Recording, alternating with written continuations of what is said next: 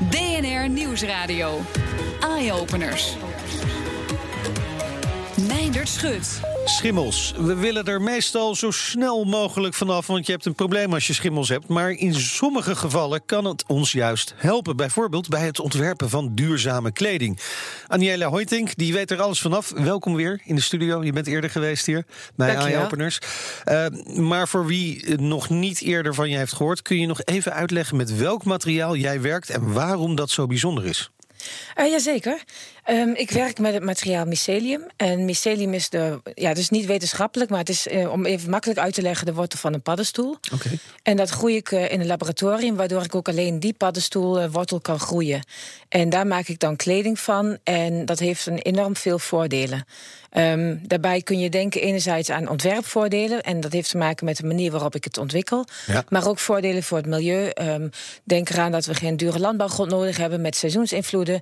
We gebruiken minder water en we hebben ook geen chemicaliën of pesticiden nodig. Ja, en uh, een paddenstoel is een schimmel. Dus jij maakt kleding van schimmels. En je, je hebt hier wat uh, uh, voor me neergelegd. Ja. Wat zien we hier allemaal? Uh, nou, er is een witte petrischaal. En dat is eigenlijk hoe de schimmel groeit in een uh, agarplaat. En agarplaat, dat is uh, niks anders dan de voedingsbodem... die uit wat, ja, even kort door de bocht, water, mineralen en suikers bestaat. Oké, okay, okay, maar je hebt natuurlijk enorm veel van die schimmel nodig... Ja. om een kledingstuk uiteindelijk te maken, kan Ja. me voorstellen. Ja, dat is het mooie van de schimmel. Um, dat groeit enorm snel. Dat noemen ze exponentieel, dus het verdubbelt zich iedere dag. Oké. En dat gaat eigenlijk veel sneller als bijvoorbeeld het katoen groeien... waarvoor je een hele grote plantage nodig hebt... wat ongeveer zes tot negen maanden duurt... wat Ja. je maar één keer in het jaar kunt groeien. En het voordeel van schimmel is dat je dat gewoon in een fabriek kunt groeien... en dat kun je dus iedere dag groeien. Ja. Nu, nu gebeurt dit natuurlijk nog op relatief kleine schaal. Hè? Dat, uh, in een laboratorium. In mijn geval wel, ja. Ja, precies. Oh, zijn er ook al gevallen waar het veel groter gebeurt al? Nou, schimmels worden al gegroeid door uh, DSM bijvoorbeeld op hele Ah, grote schaal. Alleen uh, zij gebruiken de schimmels dan voor de enzymen die ze uh, Ja, ja. uitscheiden. Dus er wordt al heel veel met schimmels gedaan. Ja. Ook Maar- in dagcremes en zo Oh, zit het al. Oh, oh jeetje. Ja, ja, ja, ja. Moet oppassen, want ik kom mijn gezicht smeer. Maar eh, eh, wat is dan je droom? Want ik kan me voorstellen dat je gewoon zo'n hele grote loods wil... waar je continu schimmels aan het kweken bent... om inderdaad zoveel mogelijk mensen in dit soort kleding te krijgen uiteindelijk. Ja. ja, mijn droom is wel echt dat dit uh, binnen een paar jaar op de markt uh, komt. Um, ik wil graag dat we echt op andere manieren naar kleding produceren kijken. Dus weg van het, uh, het spinnen van het garen, het weven Ja. van het doek en het naaien van kleding. En dat heeft ook allemaal afval erbij. Maar als je op deze manier kunt, uh, kleding kunt ontwikkelen, dan kun je gewoon uh, met veel minder afval aan betere kleding ontwikkelen. En, en schimmel heeft ook nog. Betere kleding ook, zeg je. Ja, want schimmel heeft een aantal voordelen, zoals uh, antimicrobieel of huidverzorgend. Dus vandaar dat hij ook in de ja, dagcreme dan, zit. dan hoef je dus die dagcreme niet meer te dragen. En niet voor je huid, nee. Precies, inderdaad. Nou ja, dat, is uiteindelijk Ja. uh, ja, wel een doelstelling, ja. Ja, oké. Nou heb je natuurlijk niet stilgezeten hè, sinds de vorige keer dat we elkaar spraken. Uh, inmiddels is het je ook bijvoorbeeld gelukt om het materiaal te kleuren. Ja. Is dat dit resultaat wat ik hier zie? Een, een, een roze lapje? Of een, een rood lapje eigenlijk Ja. is het? Ja, ik heb een aantal tests al gedaan met kleurmaterialen. En ik ben dat nog verder aan het ontwikkelen door echt te kijken van kunnen we ook natuurlijke materialen gebruiken voor het verven. Waarbij de doelstelling van deze kleding is dat die na dragen gecomposteerd kunt worden. Oh ja. En dan kun je dus geen chemicaliën gebruiken, want dat komt dan gelijk weer in de grond terecht. Ja, en ik zie hier een paar, ja, eigenlijk zijn het een soort herfstkleuren. Pas wel een beetje bij deze tijd. Ja. Rood, bruin, zwart. Ja, dat is toevallig. Dat is Ja. toevallig. Maar je kunt ook blauw uh, creëren en dergelijke. Dat soort kleuren. Allemaal hippe, hippe, jeugdige kleuren. Die kun je allemaal uh, creëren dus. Dat maakt eigenlijk niet uit. En, en je hebt ook een ontwerpboek bij. Want wat, wat, waar ben je inmiddels toe gekomen? Nou, we staan dus deze week uh, op de Dutch Design. Week in het uh, Klokgebouw. Met een samenwerking die ik doe met de um, een productie- en designmethodiek ontwerpster Karin Vlug. Uh, waarbij wij samen gaan kijken hoe kunnen we nou mallen ontwikkelen voor mycelium. Mallen. Mallen, ja. Dus um, dat je gelijk in 3D kleding kunt maken. Dus ik ga niet ouderwetse patronen Oh, snijden en uh, kleding naaien. Maar het gaat je, je gelijk in giet 3D. het eigenlijk uh, in, in zijn Ja. juiste vorm. Daar komt Ja. het om neer. Daar komt het uh, op neer. Ja, en dat heeft heel veel voordelen. Dat betekent onder andere dat je naadloos kunt ontwerpen. Dat betekent dat je bijvoorbeeld prachtig ronde schouders kunt maken... of een hele mooie borstpartij die Ja. precies op het lichaam uh, uh, past. Maar ook dat je naar andere markten kunt kijken. Um, Zoals? Nou, wij, zi- wij zijn nu heel erg aan de westerse markt gerelateerd qua uh, lichaamstype. Maar je hebt een Afrikaanse markt of een Aziatische markt. Uh, denk aan uh, kleine mensen. Ja. Dat zijn allemaal verschillende lichaamsverhoudingen. En daar kun je dan op die manier ook veel beter voor ontwerpen. Ja, ja, je zou dus uiteindelijk ook naar een situatie kunnen gaan dat je echt precies op maat persoonlijk Ja. zou kunnen ontwerpen. Dat is de bedoeling, ja. Wauw. ja. Ja, dat is wel cool. Dat je niet alleen kijkt naar andere manier, eh, andere materialen voor de kleding, maar dus ook andere manier van productie van de kleding. Ja. ja, eigenlijk ben ik daar al tien jaar mee bezig met mijn bedrijf. Maar Ja. het is een, enorm ingewikkeld om personalisatie op een massaproductie eh, manier te krijgen. Ja, ja. En ja, wat mij betreft is dit wel echt een, eh, een oplossing daarvoor. Ja. En, en wat we allemaal zien, want een van de dingen uit je boek, dat heb je ook hierbij. Mag ik het even pakken? Ja, tuurlijk. Dat is een, een, een tasje. Ja. Ja, en het mooie etui.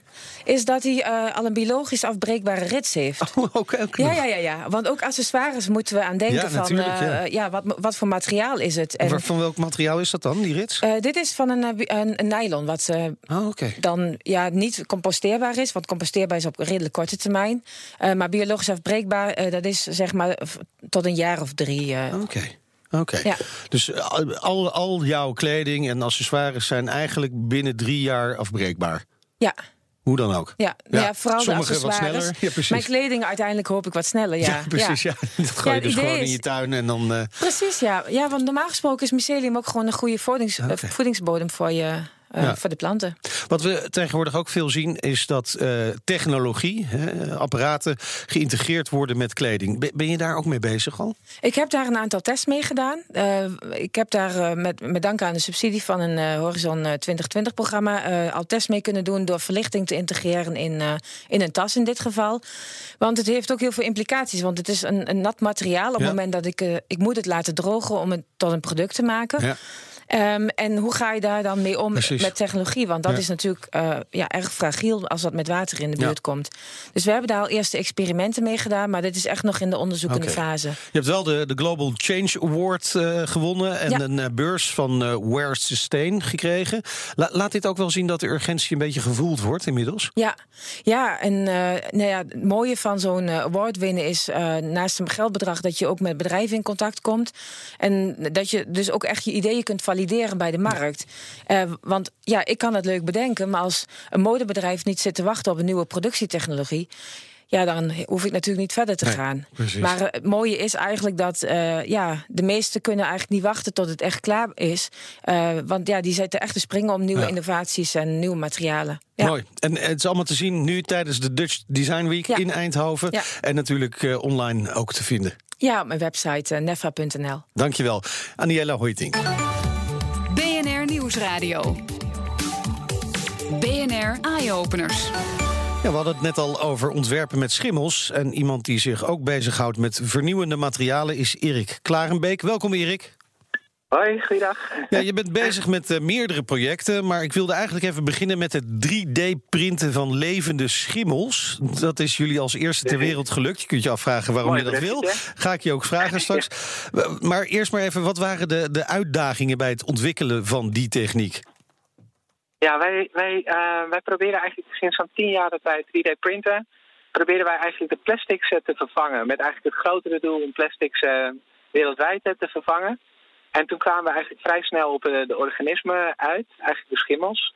Ehm, en zodoende eh, moesten wij kijken van ja, hoe kunnen we dat inderdaad eh, printen.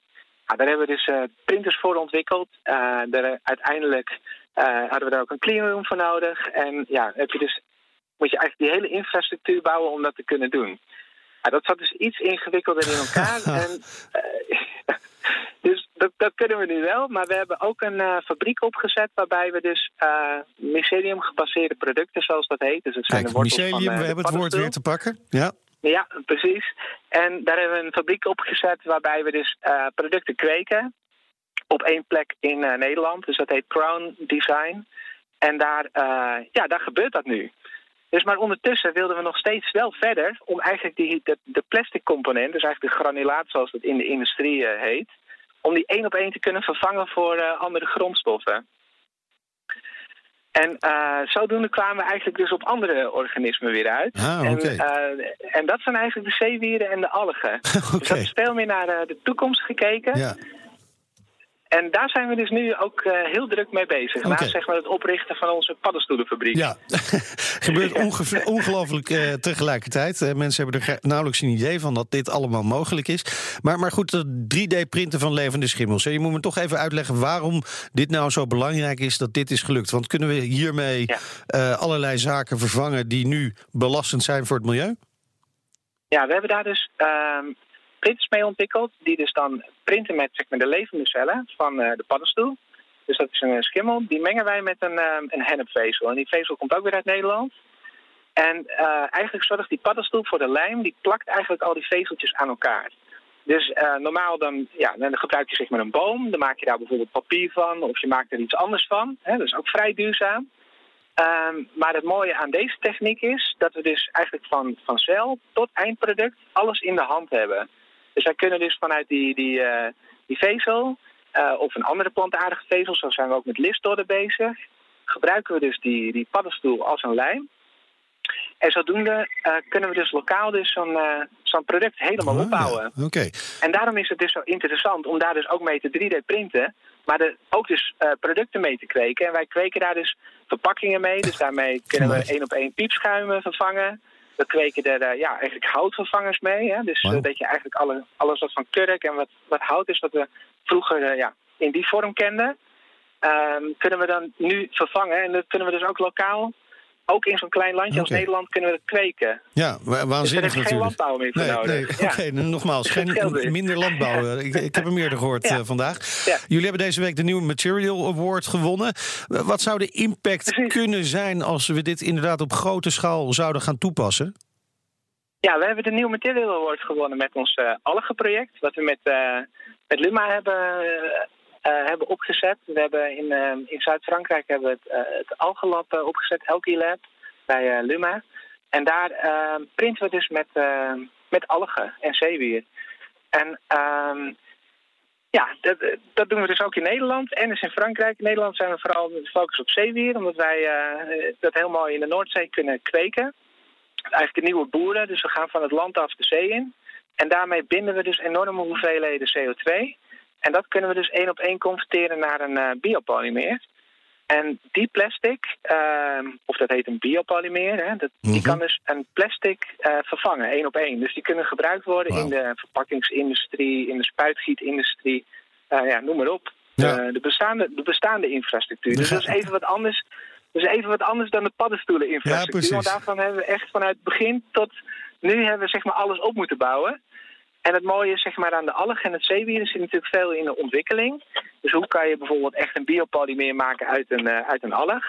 Nou, het mooie is dat eigenlijk al die componenten die in plastic zitten, als je die dus ontleedt, dan krijg je al die componenten ook maken met een, uh, met een alg.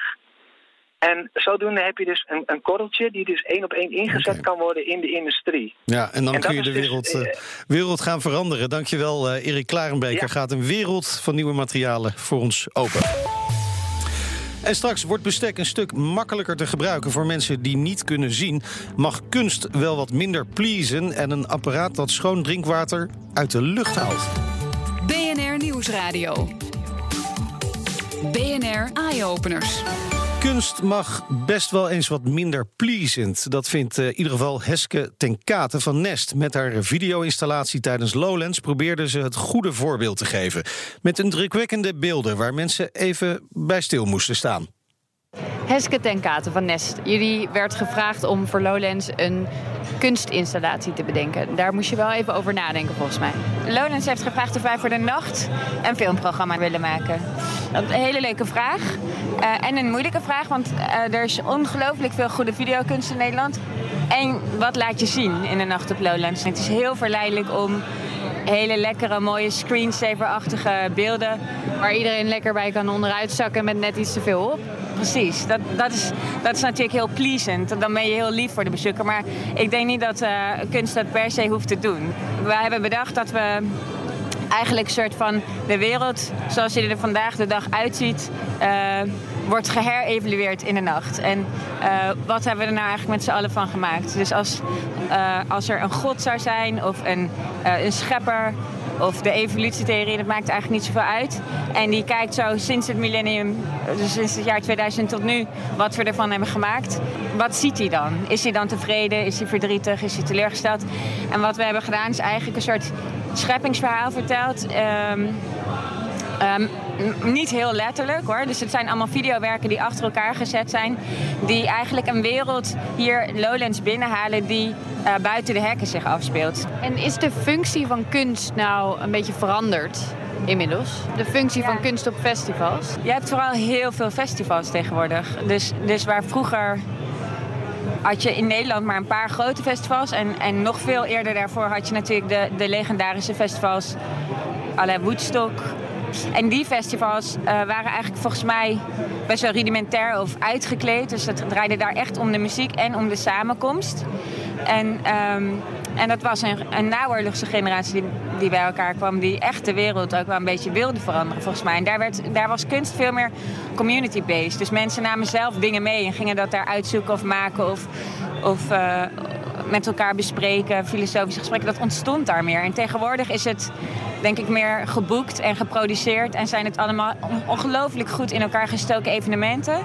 En het, voor mijn gevoel het gevaar zit er dan in dat je als bezoeker een beetje uh, een consument wordt en uh, een beetje lam geslagen wordt ook door alle opties en alle programma-onderdelen die er zijn. Terwijl dit eigenlijk dezelfde soort Woodstock-generatie zou kunnen zijn. Dit zijn, dit zijn 60.000 jonge mensen bij elkaar die ook in een wereld leven uh, die voor uitdagingen staat, laat ik het zo zeggen. Of, en het is echt niet zo dat die vijf jaar videokunst daar een oplossing aan geeft. Maar ik denk wel dat de rol van kunst meer is dan vermaak altijd. Dus dat als je kunst programmeert op een evenement, dan moet je je afvragen wat moet kunst daarbinnen doen. En dat is dus niet die screensaver geven volgens mij, maar laten zien A waar kunst over gaat.